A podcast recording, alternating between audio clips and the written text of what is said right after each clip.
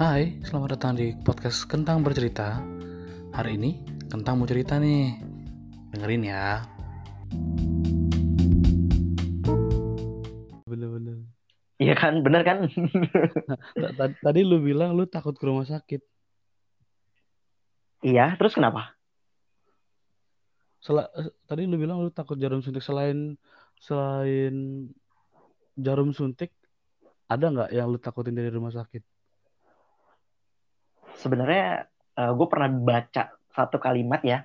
Hah? Ini cukup apa shocking juga ya, karena rumah sakit itu adalah mungkin beberapa dari sedikit tempat yang di mana ketika di, lu berada di tempat itu, yang di mana kita lagi konteksnya rumah sakit ya, Hmm. itu kalimat atau kata positif berarti buruk.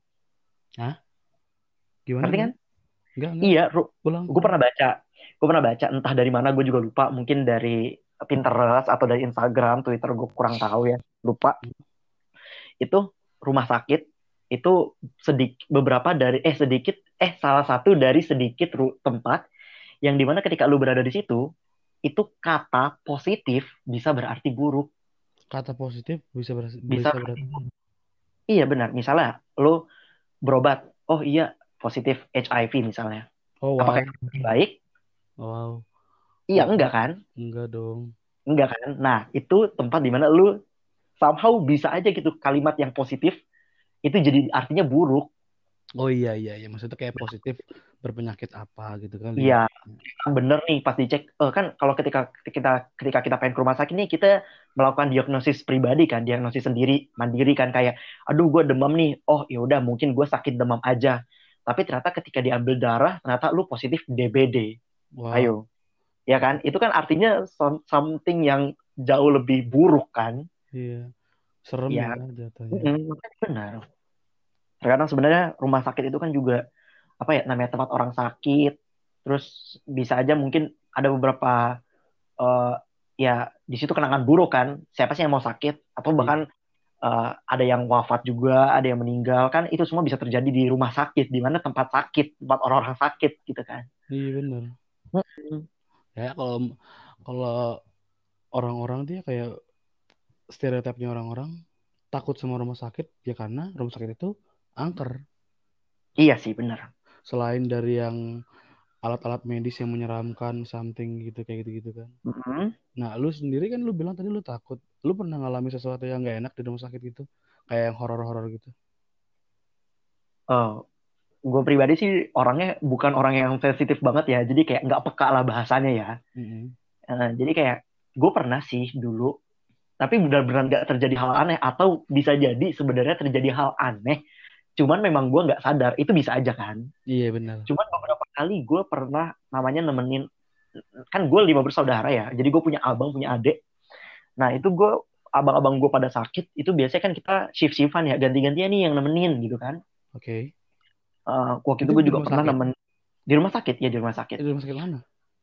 Eh, waktu itu gue pertama eh, waktu itu gue pernah nemenin abang gue yang kedua itu dia habis kecelakaan motor dia Hmm. itu ma- masuk ICU yang di mana gue itu nggak bisa nggak bisa nemenin satu ruangan di ICU jadi di samping ICU itu Hmm. ada satu ruangan kosong ya di mana gue tidur di situ bener-bener literally satu malam loh dan Ngapain? di ruangan itu di ruangan itu nggak ada apa-apa nggak ada siapa-siapa ada sih jadi gini apa eh, seharian yang nemenin bokap nyokap gue nih kan. Kan habis kecelakaan tuh. Seharian sa pokoknya ketika siang hari ya day eh, maksudnya lagi ada matahari gitu kan Hmm. itu bokap nyokap gue yang nemenin. Terus ketika malam mereka mau istirahat nanti besok gantian lagi itu malam gue yang gantian nemenin. Jadi siang gue disuruh tidur jadi nanti malam gue stay di rumah sakit. Lu sendirian. iya gue sendirian. Dan waktu itu gue masih kelar SMP sih lulus SMP Baru lulus SMP. Lulus SMP. Gue inget tuh zaman-zaman di mana waktu itu aplikasi Pet baru naik, tahu kan? Pet. Hmm, Pet yang warna merah itu loh. Iya iya, iya. gue juga main. Nah itu lu ngalamin sesuatu? Enggak sih ya. Puji Tuhan, alhamdulillah kayaknya enggak dan gue bersyukur aja sih. Karena waktu itu gue inget banget kerjaan gue tuh cuma kayak waktu itu game yang lagi gue mainin banget Clash of Clans. Jadi gue kerjaan seharian semalaman nge-push nge-push trofi ya di Clash of Clans. Terus gue sama dengerin musik aja sama dengerin radio. Terus gue ketiduran. Terus gue bangun lagi kayak sebelum subuh gue pipis. Gue tidur lagi, bangun lagi. Tiba-tiba udah ada nyokap gue dateng. Oke. gitu. Nah itu kan di ICU. Gue juga pernah nemenin di abang gue yang ini gue di dua tempat ya abang gue yang di atas gue itu waktu itu DBD kan lagi bulan puasa gue nemenin waktu itu dia awalnya kayak dua hari pertama di VVIP jadi gue satu ruangan sama dia ruangannya gede banget Hmm. ya kan ada kabel wifi-nya sendiri juga ada TV-nya sendiri jadi ya enak lah jadi harusnya nggak ada masalah. Nah pas di hari terakhir ternyata masih sakit jadi perkiraan bokap nyokap gue tuh salah. Mikirnya kayak oh mungkin empat hari kelar sembuh. Ternyata enggak masih kurang satu hari lagi perawatan intensif di rumah sakit. Oke. akhirnya kita pindah lah ke ruang kelas 2 atau 3 yang di mana satu ruangan itu ada tiga orang. Oke. nah gue nemenin gue itu bener inget banget kasurnya abang gue itu ada di samping kamar mandi. Jadi gue duduk di antara eh duduk gue tidur di samping kiri kanan eh di samping kanan gue itu tembok kamar mandi samping kiri gue tuh ranjang abang gue. Jadi gue tidur di atas lantai. Dan gue nemenin dia semalaman kan. Dan besok paginya kasur yang ada di seberang eh, abang gue pasiennya meninggal. Wafat. Ya ampun. kan lu suka dengar gak sih cerita kalau misalnya lu ada orang wafat itu sebenarnya kan eh, arwahnya masih di situ kan sampai Iya. itu dikubur kan Hmm. jadi gue kadang mikir waktu itu sih bukan kadang waktu itu gue mikirnya kayak ih serem juga jir ya jangan-jangan ntar arwahnya masih ngeliatin gue di situ serem juga cuman gue pribadi sih bukan orang yang sensitif jadi mungkin bisa jadi bersyukur tapi gue jadi kurang bahan cerita juga lu sendiri gimana Wah. Ya gue sih ada sih. Nggak itu yang yang meninggal tadi meni- sakit apa? Tahu nggak? Enggak, gue kurang tahu sih karena menurut gue kalaupun gue tahu itu kan harus nanya kan. Ya masa orang lagi berduka gitu kan gue tanyain sakitnya apa ya kan? Enggak kan kita cuma main our own business aja. Iya bener bener bener bener. jadi kayak ya udahlah cukup tahu serem jir orang meninggal. Gue tanya-tanyain ogah ntar gue kenapa-napa lagi? Takut. Di, di, di, di sebelah abang lu banget itu ya. di seberang. Seberang. seberang Jadi- Jadi ngelangkain satu orang. Satu kasur. enggak enggak enggak karena kan satu ruangan tiga orang doang Heeh, jadi gimana satu tuh? satu ruangan tiga ranjang jadi kan yang gua kasur abang gue sama kasur pasien yang meninggal itu dia hadap-hadapan gitu loh Ah, satu Hmm. lagi. yang satu lagi ya di samping abang gue karena memang ruangannya nggak berbentuk persegi atau persegi panjang gitu loh bentuknya abstrak aja Oh, iya iya iya iya. Oke. Mm-mm. Uh. Nah, iya untuk ada tirai sih buat nutupin jadi kan tapi lu kebayang gak sih lu pagi-pagi nih itu yang lu dengerin tuh cuma suara tangisan. Keluarganya nangis. Oh, horor apa itu kayak depressing parah kan? Gara-gara itu kan uh, wah kejadian waktu baru meninggal itu ya. Mm-mm. ya orang pasti pada nangis kan. Ya jadi gue kayak nemenin kayak ya udah aduh kagak fokus ngapa-ngapain juga kayak diem aja udah dengerin mereka nangis. Sampai mayatnya dibawa ke ruangan jenazah ke kamar jenazah. Mm-mm. baru deh keluarganya ngikut kan. Ya udah baru sepi dibersihin dirapi-rapihin. Mm-mm. Serem lu sendiri gimana nggak ada pengalaman pribadi menyeramkan di rumah sakit Eh, kalau pengalaman pribadi di rumah sakit itu yang serem ya. Mm. A- ada sih. gimana Jadi, tuh Ceritanya ini kakak gue mau sesar. oke terus Ada kakak ah, ini istrinya isi istrinya kakak ah, istrinya kakak gue. Kakak gue Hmm. cowoknya yang cewek cuma satu. Istrinya kakak gue mau sesar. Itu mau lahir. iya Jadi Mm. malam sebelum dilahiran itu udah dibawa ke rumah sakit itu kan. Karena udah ngeluh-ngeluh sakit. Tapi ternyata dia ini kayak ada masalah bentuk tubuh apa gimana gitu yang katanya karena tuh bentuk tubuhnya jadi dia nggak bisa ngelahirin dengan normal gitu loh. Hmm, mungkin biasanya normalnya kepalanya duluan kan mungkin sama waktu itu kakinya duluan atau tangannya duluan jadi sulit Nah mungkin nggak tahu deh gue juga kurang, kurang paham banget gitu Nah, terus katanya disaranin sama dokter apa saranin sama dokternya dan emang permintaan dari si ibu hamil ini katanya untuk sesar aja deh gitu gitu.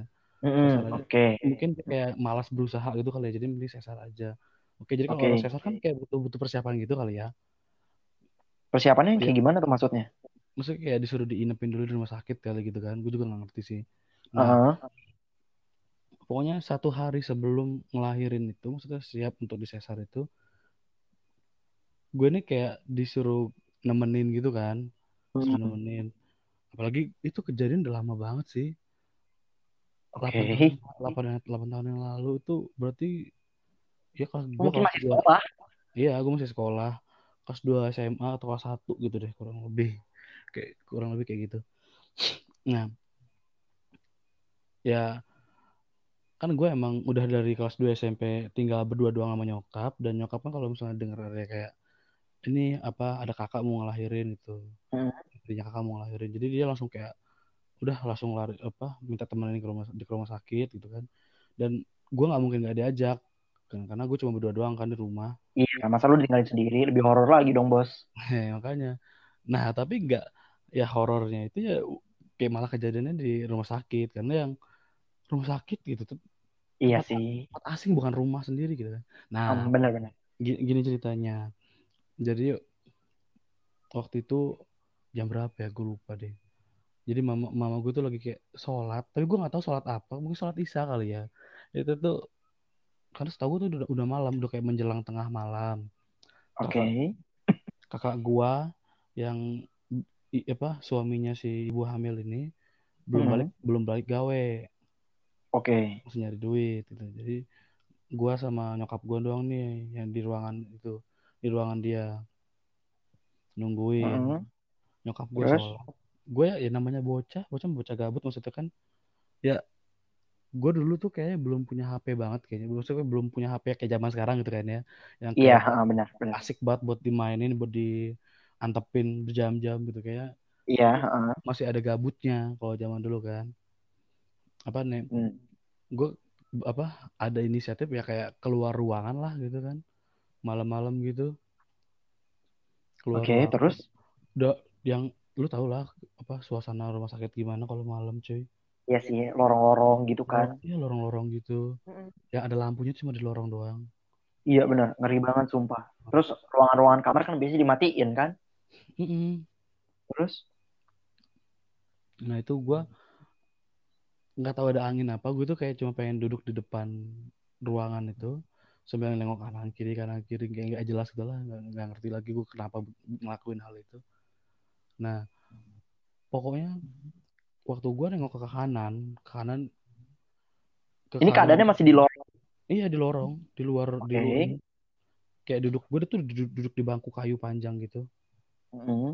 duduk di kayu panjang lagi nengok-nengok gitu kan iseng gue nengok ke kanan yang mana tuh, tuh kayak lorong itu tuh kayak semakin jauh semakin gelap Duh, paham gak jadi sih ngeri ya. Ya gue paham, cuman kayak wow, lanjut lanjut lanjut. Se- semakin jauh semakin semakin kita ngeliat ke arah lorong itu tuh kayak semakin jauh tuh semakin gelap ya gak sih kayak Hmm. lampunya lampunya itu makin nggak ada gitu Makin redup lah ya. ya, mak- ya makin redup kayak gitu kan ah, makin jauh nah itu tuh gua ngeliat kayak ada orang lagi duduk yang posisinya itu ya ya kurang lebih sama lah kayak gua duduk di kursi panjang di depan ruang di sebuah ruangan gitu Oke. kayak gitu tapi orangnya itu kayak serba hitam gitu loh Dan apa yang dia lakukan? Apakah dia cuma duduk terdiam aja atau nengok ke arah lu atau wow, nggak tahu. Hmm. Dia, dia duduk duduk. Duduk kayak gue tuh ngeliatin gue mastiin itu, itu, itu manusia atau bukan atau gimana gitu kan. Karena kan waktu itu remang-remang gitu kan. Posisinya dia jauh gitu. Itu apaan ya gitu. agak Terus? agak serem aja sih gitu kan. Terus tiba-tiba dia bangun berdiri gitu. Itu tuh kayak dia tuh kalau berdiri kayak full itu dari atas sampai ke bawah tuh hitam aja udah. Sampai nempel ke keramik gitu. Jadi lu ngeliatnya dari sisi samping, depan, belakang dari orang itu. Iya samping samping Dari samping. iya kan gue nengok ke kanan Jadi wajahnya nggak kelihatan. enggak enggak Oke, terus? jadi dia kayak dari, dari tadinya posisinya duduk total langsung berdiri dan berdiri itu kayak yang tinggi kayak kayak kain digantung di buat gantungan helm itu berat sampai hitam tapi hitam semua kainnya gitu kurang lebih kayak gitu deh Hmm. nah tapi bisa bergerak dan Oke. dan nggak tahu orang nggak tahu apa ini nih dia tuh kayak bergerak masuk gitu loh Masuk ke ruangan itu. iya yang tadi dia duduk Oke. itu tadi dia masuk ke ruangan itu Hmm. ya gue nggak tahu ya sebenarnya itu apa atau ini atau Oh jadi kejadiannya cuma seperti itu, cuman lu somehow nggak tahu itu tuh beneran orang apa enggak karena lu belum ada waktu untuk memastikannya. nah siangnya Oke. gue gue gue gue gue ini kan gue kayak ya udahlah ya gitu. Paling itu orang gitu kan. Itu ruangan ini lagi gitu kan. Ya nggak sih? Hmm. ya udah gue masuk lagi gue tidur dong. Maksudnya kayak ya udah istirahat aja gitu. Tidur besok siangnya. Gue iseng karena gue inget kejadian tadi malam. Gue iseng. Oh, spin off nih, spin off. Terus terus. ke se, ke se, ke sebelah kanan apa yang tadi gue bilang. Dan gue jalan ke arah Mhm. sana karena siang kan jadi masih berani dong. Karena siang jadi berani. Dan ternyata ruangan itu ruangan ini kamar mayat. Gue nggak tahu sih ya harus respon apa. Karena udah banyak banget cerita ya ya namanya kamar mayat ya namanya ruang mayat ya mau gimana sih? Mm-mm. Lu wa- ya ruang mayat lu nggak ada penampakan atau nggak ada kejadian yang melibatkan ruangan itu aja ketika lu deketin atau berada dalamnya aja itu udah emang auranya udah negatif aja kan? Nggak Mm-mm. enak, parah sih kan kayak, kayak serem Cu- cuy ada kata mayatnya cuy gitu kan ya nggak sih Aduh, mohon maaf nih udah jam 11 malam sih ya. Jadi dingin juga keadaannya nih di Jakarta kebetulan ngomongin horor. Jadi kayak positif positif positif positif jadi horor super kayaknya deh. Gak paham lagi beneran. Serem banget. Merinding sendiri gue ntar nih. Gak bisa tidur tanggung jawab ya. Aduh ya Allah. Sumpah serius deh. Tapi gue pribadi sih alhamdulillahnya beneran nggak pernah ngelaki apa merasakan kayak misalnya bahkan kayak kalau bisa orang nih melihat kayak misal lo melihat itu gue boro-boro ngelihat gue bahkan kayak ngedenger atau kayak sekedar melihat sekilas aja tuh kayak nggak pernah gitu loh. Ah, kayak pernah sih mungkin pas SD itu kayak Hmm. teman gue hanya ngelihat sosok Mbak Kunti gitu di atas tiang listrik tapi sama gue nggak bisa ngelihat gitu loh. Iya sama gue nggak bisa ngeliat. Terus paling gue pernahnya itu kayak di dalam mimpi gitu loh. Ya kalau mimpi mah pasti sering mah ya. Bukan sering juga sih siapa yang mau mimpi kayak gitu. Cuman kalau ketika lu bangun lu sadar oh lu tahu itu bu pernahnya kayak begitu. Sih atau sekedar repropan aja sih sekedar apa ketindihan bahasanya ya. Lu pernah repropan Iya, gue pernah sih repropan kayak beberapa kali beneran. Waktu itu kan jadi waktu itu kan gue pesantren ya, gue pernah eh, tinggal di pesantren pas SMP oh dan iya SMA gue pesantren. Kenapa? lu pesantren Mm. di pesantren nggak ada cerita horor Ya kalau misal cerita horor masih simpang siur ya kayak eh tadi kata si ini ngeliat ini, si ini ngeliat ini. Gue tuh pribadi bukan orang yang begitu percaya terhadap hal begituan, beneran. oh iya benar Kalau repropan itu kan yang gue tahu ya ada penjelasan secara klinisnya ya, penjelasan secara eh, kesehatannya ada gitu kan. Jadi gue yang gue ambil tuh oh ya udah begini. Cuman kalau secara eh, spiritual kayak dalam agama itu ada penjelasannya lagi. Oke, gue juga percaya, gue juga ambil gitu. Cuman iya benar tinggal bagaimana gue apa namanya milih milah dan milihnya aja gitu loh iya kayak repropan kayak biasa aja sih kejadiannya gue gitu habis asar jadi gue habis sholat jamaah di masjid itu kan gue harusnya baca Al-Quran tuh kan bareng-bareng cuman gue ngantuk jadi gue balik ke asrama duluan Hmm. nah asrama gue itu ada di eh, sudut pesantren oke jadi di pesantren ada sudut-sudut kan nah gue di salah satu di sudutnya dan kamar gue itu bener-bener di sudut di ujungnya gitu loh soalnya kan kamar itu kan gue kamar lebar ya kayak muat 25 orang gitu kan oh wow Nah, Iya, jadi kan eh, kamar itu kan ada empat sisi tembok kan. Heeh. Nah, misalkan sisi eh, sisi A, B, C, D. Nah, sisi A sama C itu tembok. Heeh. Nah, sisi B sama D itu kan biasanya jendela kan sama pintu kan. oke Saking di ujungnya kamar gua, itu di salah satu dari yang seharusnya jendela, itu jadi jendela nggak bisa dibuka. Jadi kayak sampingnya udah tembok. Jadi sebenarnya percuma ada jendela gitu loh. Ngerti kan? oh oh iya iya iya iya iya. Buat penghalang keluar gitu loh. oh iya benar Nah, benar tetap ada jendela. Jadi satu deretan jendela, tapi dari satu deretan itu setengahnya itu ketutupan di seberang gua itu ada ruang rapat. Jadi ketutupan, nggak ada nggak ada cahaya. Jadi cuma empat jendela doang yang ada cahaya astaga gitu loh. Jadi kayak terus siang-siang juga tetap gelap sih. iya benar Nah, gua habis asar ngantuk, gue balik kasur gua di pojok juga di kamar. Serius gua nggak ngerti lagi. Ini kebetulan banget sih. Di pojok Buset. bawah. Ya udah gue Hmm. masih pakai sarung masih pakai koko. Ya udah eh, tiduran aja udah tiduran. Kayak kaki gue masih sa- satunya masih di lantai kayak duduk terus kayak sambil tiduran gitu kan. Mm-mm. gue tidur aja. Kayak emang ngantuk banget kok. Tiduran aja terus terus gue somehow udah sadar nih gue tidur nih. Terus gue kebangun karena ada yang eh pin- pintunya tadi kan gue tutup. Hmm. pas gue bangun oh pintunya ada yang buka. Jadi pintunya udah kebuka gue lihat ya kan? Hmm. Uh, gue jadi serem sendiri ya cerita ya. Aduh mohon maaf nih. Jadi eh, jadi merinding sendiri. Karena kan kejadian pribadi ya. Jadi kayak lebih kerasa feelnya. Mm-mm. Oh pas gue masih tidur nih terus gue kebangun karena gue tahu itu pintunya tuh nggak lancar. Jadi kayak kalau misalnya kebuka tuh ngit ngit gitu loh. Kayak ke ituin lantai jadi ketahan lantai. Ngerti kan? bunyi bunyinya gitu paginya. Hmm. Kebetulan pintu itu pintu kaca, Oh, jadi kayak berat, terus di sekelilingnya besi, jadi otomatis berat. Jadi kalau buka tuh pasti berisik. Jadi gue kebangun karena suara berisik itu dan oh gue lihat pintunya udah kebuka setengah. Gue mikir oke ada yang masuk. Itu habis asar kan. hmm, Tapi gue masih tetap dalam keadaan tiduran. hmm. Nah gue ngelihat ada sosok jalan, bener sosok hitam jalan. Gue liatin, gue masih belum bangun. Cuman gue ngeliatnya cuma dari lirikan mata aja kan, dari sudut-sudut mata kan. Ah, iya bener. Sosok hitam itu jalan gue mikir ini siapa ya? Gue tungguin. Bener-bener gue tungguin. Sampai akhirnya dia ngelewatin lemari. Jadi Oke. pandangan gue terhadap sosok hitam yang lagi jalan itu namanya orang baru masih setengah ngantuk setengah sadar gitu kan. Ah, gue nungguin ini siapa ya? Gue penasaran.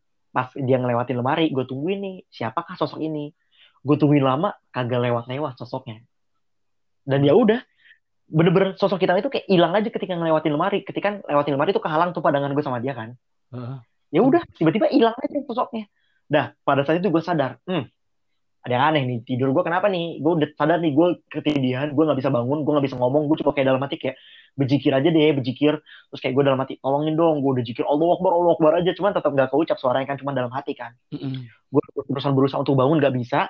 Sampai akhirnya gue kebangun bisa bangun bisa bangkit dari kasur ya dari ranjang itu ketika suara pintu kebuka. Lagi. Bukan memang pintunya nggak pernah kebuka Eh? jadi kayak mungkin emang gue penglihatan gue nggak gimana pokoknya pintu itu kan kalau dibuka ada suara ditutup ada suara gimana sih Iya. heeh. ya kalau misalnya suara pertama gue kebangun pintunya kebuka harusnya kalau gue bangun lagi pintunya kebuka itu berarti ada suara dulu sebelumnya yaitu pintu tutup tapi ini tuh nggak ada Oh. jadi gue berusaha untuk bangun untuk sadar itu ketika ada orang yang buka pintu kamar gue dan itu orang beneran teman-teman gue buka. Set. Terus pas ada bunyi ngit itu gue langsung bangun langsung bangun. Gue udah keringetan basah banget. Gue langsung cerita. Iya panik lah gila gue langsung keluar dulu gue cerita. Nih tadi gue begini. Gue mengalami kejadian begini begini begini begini. Oh ya udah gue suruh wudhu aja terus gue sholat lagi aja sholat sunnah kayak sholat apa ya kan? Terus gitu kan. Eh minta tolong cewek sama Tuhan. Saya Iya, uh dah. Gue bayangin coba gue itu emang lemah banget. Bayangin baru ketindihan aja gue udah kayak kayak Panik. dikejar setan gimana nanti kalau misalnya gue amit-amit ya ya Allah dikasih lihat sosok yang gue sebenarnya nggak pengen lihat dan nggak perlu lihat gitu loh Iya. Serem kali. Mm-mm, bener. Tau sendiri lah.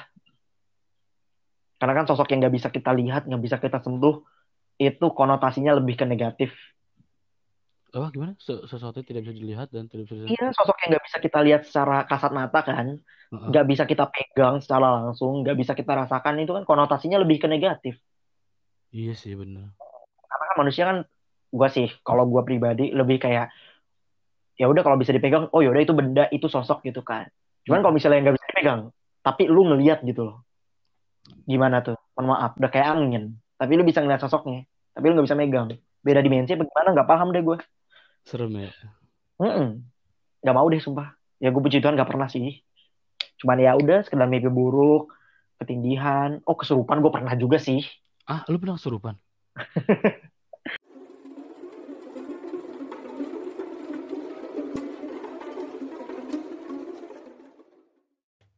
Makasih ya udah mau dengerin. Besok kita cerita-cerita lagi.